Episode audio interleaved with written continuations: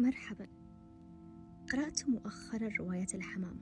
تتحدث عن شخصية باسم جوناثان ويل في الخمسين من عمره. عاش عشرين سنة خالية من أي أحداث. مليئة بالرتابة والروتين. كل يوم مطابق للآخر. الحادث المثير الذي كان ممكن أن يحدث هو موته. فكان في حالة سلم مع فكرة الموت. وحالة حرب ورفض كلي لأي حدث جديد قد يحدث في حياته متشبثا بالرتابة والاعتيادية. تعرض جونثو للكثير من الخيبات في حياته مما دفعته لأن يعتزل الأشخاص والأحداث ويعيش لوحده في مسار معين يمشي عليه يوميا واستمر على هذا المنوال لسنين طويلة. إلى أن حصلت حادثة. قلبت حياته رأسا على عقب. في يوم رتيب آخر وهو متجه لعمله وإذ بحمامة أمام الباب. ذعر جونثون ذعرا شديدا. لم يكن متأهبا لأي جديد في حياته. والأدهى والأمر أن تكون حمامة.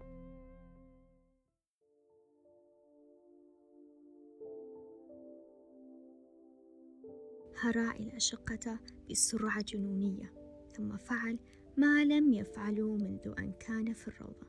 فقد فتح كفي للصلاة وطلب من الرب أن ينقذه من هذه الحمامة. تحليقها أرعبه وسقوط ريشة على الأرض كان كابوسا شعر أنه لا مجال للنجاة منها. وبدأ بتهيئة نفسه لقضاء الليلة وباقي الليالي في نزل آخر. بدأ بالتفكير مطولا ماذا لو لم تفك الحمامة حصارها خلال الأسبوعين القادمة؟ كيف سيبدأ يستخدم المال الموفر لديه لاستئجار نزول آخر؟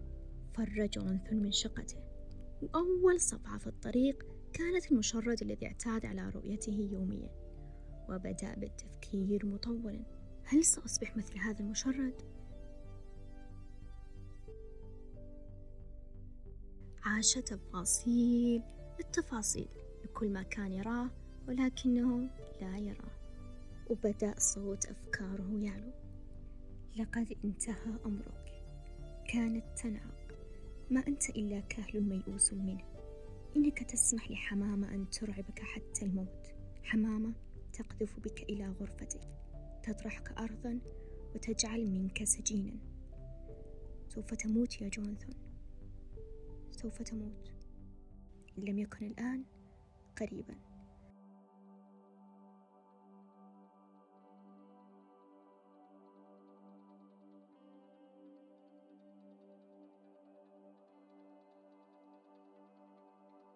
كانت حياتك كلها خطأ.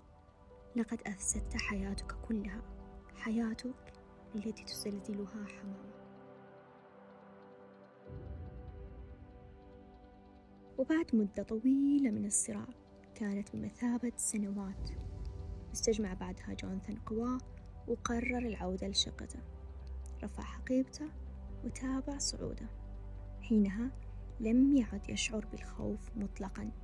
الحمامة اختفت البقع أزيلت ولم يعد أي زغب أو ريش يرتجف على البلاط. هذه الرواية مليئة بالعوالم النفسية المتناقضة والتفاصيل المعقدة. للوهلة الأولى.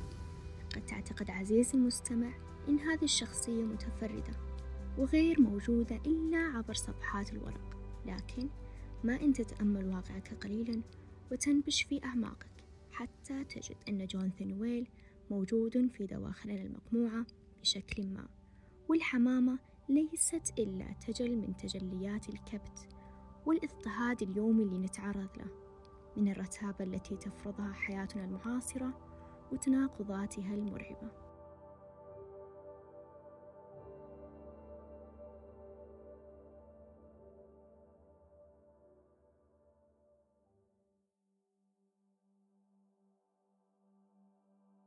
نحن نتكيف مع رتم أيامنا وتصرفاتنا لدرجة أن نصل إلى حالة لا نقدر فيها على التناغم مع أي رتم آخر. سواء كان هذا الرتم جيد أم سيء. هل هو أفضل حال لنا أم نريد التغيير؟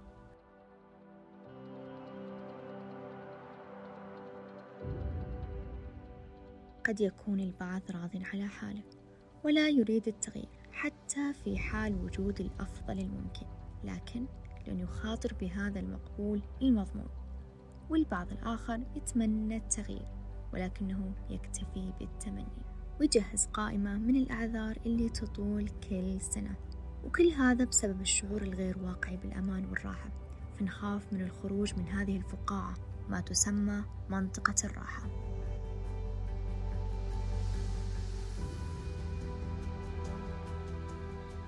ولكن الحقيقة أنها بعيدة كل البعد عن الراحة.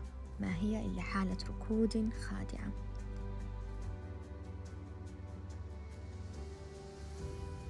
في سورة البلد ذكر الله سبحانه وتعالى إن الإنسان خلق في كبد وعناء من أمور الدنيا وهذه طبيعة بشرية.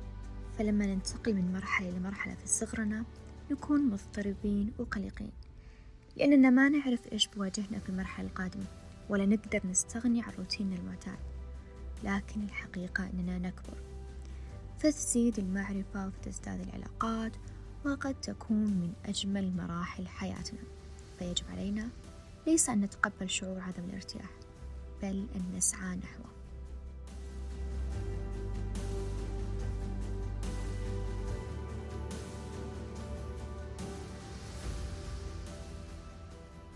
لا تخف من الاستقالة من تلك الوظيفة المؤذية أو أن تقطع تلك العلاقة السامة. تجرأ وقدم على تلك الوظيفة. لا تنظر لكلام الناس. كمل دراستك أو ابدأ مشروعك البسيط. لا تتحمل كل هذا فقط لأنك تخاف من المجهول فلو لم ترفض قودة كولفين النهوض من مقعدها الأمامي في الباص للبيض لكانت قوانين التمييز العنصري في نظام الحافلات مستمرة إلى الآن. من يدري؟ قد تأتي الأيام لك بالصعوبات فاغتنم فرصها لأنها البيئة التي يحدث فيها النمو والنجاحات العظيمة. فلن تنجح راكدا.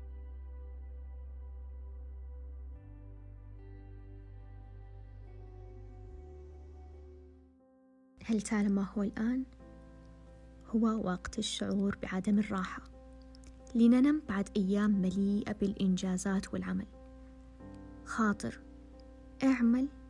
ابدأ. صادق شعور عدم الراحة. فهو مؤشر صحي يجب الشعور به. وعند الخروج من تلك الدوائر التي رسمتها لنفسك لن تتوقع النتائج. ستتعامل مع الحياة بطريقة جديدة. بعيدة عن الرتابة والتكرار. أنا أعلم أن إحداث أي تغيير في حياتنا ليس بهذه السهولة لأننا من طبيعتنا كبشر نخاف وتختلف مخاوفنا.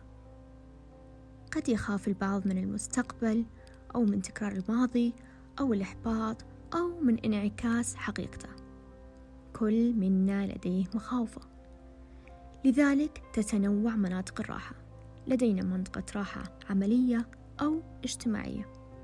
وهي بقدر ما تسمح لمخاوفك بالسيطرة عليك ويمكن أن تكون منطقة راحة للعلاقات. مثلا لأنك تعرضت لإحباط من صديق وتخاف من أن يتكرر الموقف تصبح منطقة الراحة لديك أن تبقى بدون أصدقاء في حين أن هذا ليس الواقع. نعم قد تحميك منطقة الراحة. من صداقات فاشلة أو ناس خبيثة فهي ليست سيئة دائما.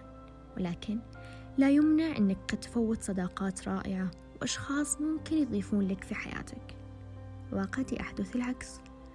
مع من منطقة الراحة لديه هي وجود ناس حوله أو من تعود على وجودهم. فيتشبث بعلاقات سامة ولا يقدر يتخلى عنهم. وممكن يكون بسبب الخوف من الوحدة. أو التخيل بأن هالناس هم منطقة الراحة ومنهم في الخارج قد يكونون أسوأ. وممكن أن تكون منطقة راحتك هي شخصية تتشبث بها في علاقاتك. قد تستغرب عند سماعك هذا ولكن أطلب منك أن تحضر في بالك أهم ثلاث علاقات في حياتك. الآن صنف لي دورك فيها.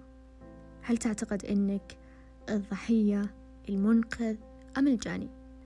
هل أنت الضحية المظلومة المغلوب على أمرها دائما والأخطاء تأتي من الطرف الآخر وهم المسؤولين دائما على ما يحدث لك؟ أم المنقذ البطل اللي الكل يحتاج له وتحط على عاتقك مسؤوليات ليست لك في الأساس لتتأكد أن يحتاجوا لك؟ أم الجاني المتطلب دائما والمتسلط اللي تصدر الأوامر من عنده ويحب كل الأنظار والاهتمام لا أدري التصنيف درامي شوي لكنه واقعي جدا وأنت بنفسك راح تتفاجأ لو تفكر فيها أكثر. كلنا لعبنا دور من هذا المثلث الدرامي في مرحلة ما في حياتنا. ضحية منقذ أو جاني. لكن الأهم هو متى راح نوقف من أن نعلق في دائرة معينة ونخاف من الخروج. وإن بدأت بتقييم نفسك الآن في علاقاتك فلا تلومها. أنت لست مخطئا وكلنا مررنا بهذه الحفر ولكن الآن عليك الخروج منها.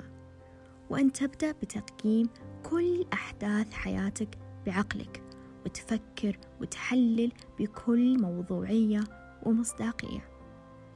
ولا تضع نفسك في أي قالب. كن حقيقيا فقط.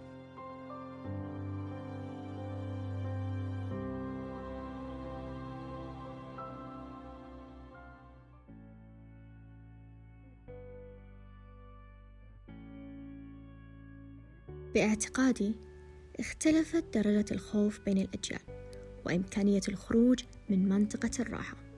الجيل الجديد ليس عديم إحساس. أو لا يعاني من منطقة الراحة لكن الفرق يكمن في المواجهة. فالجيل السابق نشأ على الترابط الأسري أو الدائرة الاجتماعية المحدودة وذلك يعود للظروف الزمنية أنذاك. فتمسكوا بالعادات والتقاليد السليمة والسامة منها خوفا من الخروج عن المألوف حتى ثقافيا. فما زال أغلب أبناء ذلك الجيل يعاني من منطقة الراحة. غالبا سيواجه التغيير بالرفض لأن الرفض هو الأسلم. لكن هل الجيل الجديد يخاف من المواجهة؟ لأن العالم مكشوف أمامهم سيصعب البقاء في تلك الفقاعة مما يدعو للمواجهة. فيدفعهم ذلك لإحداث التغيير بالمواجهة أولا وبطرقهم الخاصة. والعالم الحديث الآن يتغنى بالفردانية فما يقدرون كل الأهالي على مواكبة الحداثة وسرعة التكيف. فيتركون القيادة لأبنائهم فيتحمل الفرد مسؤوليات نفسه والتعامل معها. فخوف الجيل السابق كان خوف من التجربة وخوف جيلنا الآن أن تفوتوا التجربة. والأكيد إننا كجيل جديد لسنا أكثر قوة. إنما أكثر تكيف ومرونة لمواجهة الأيام من الجيل السابق. وهذا نتيجة تأثير عصر السرعة والتكنولوجيا وانتشار الوعي. وضع على عاتقنا الكثير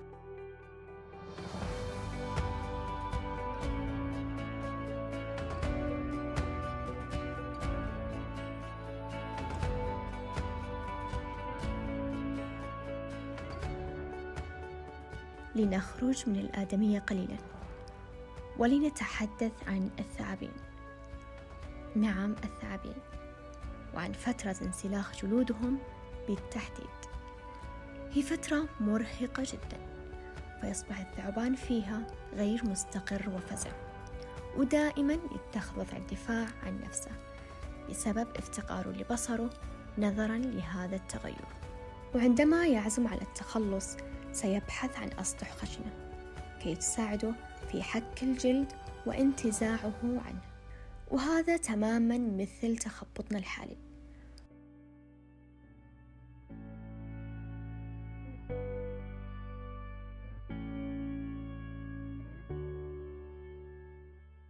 ولكن بعد كل هذه المكابدة كم أود مسامرتها لأستخبرها عن شعورها. بعدما تخلصت من كل الجلد الواهن والآثار التي لطالما أرادت أن تختفي. من رض أصابها من عدو وكدم من حبيب هشم قلبها. كم هو شعور مجيد؟ أن تخلع كل ما هو مشوه ودميم فشعور اللباس الجديد بديع. فما بالكم بجلد جديد ولون جديد؟ واعتقد بعد هذه الحلة المستحدثة لن تظل كما كانت. اعتبر نفسك عزيزي المستمع في مرحلة التسلخ في الوقت الحاضر وتطلع للتملص من كل ما هو شاحب وكابح حتى تدرك نفسك الغير مستنسخة.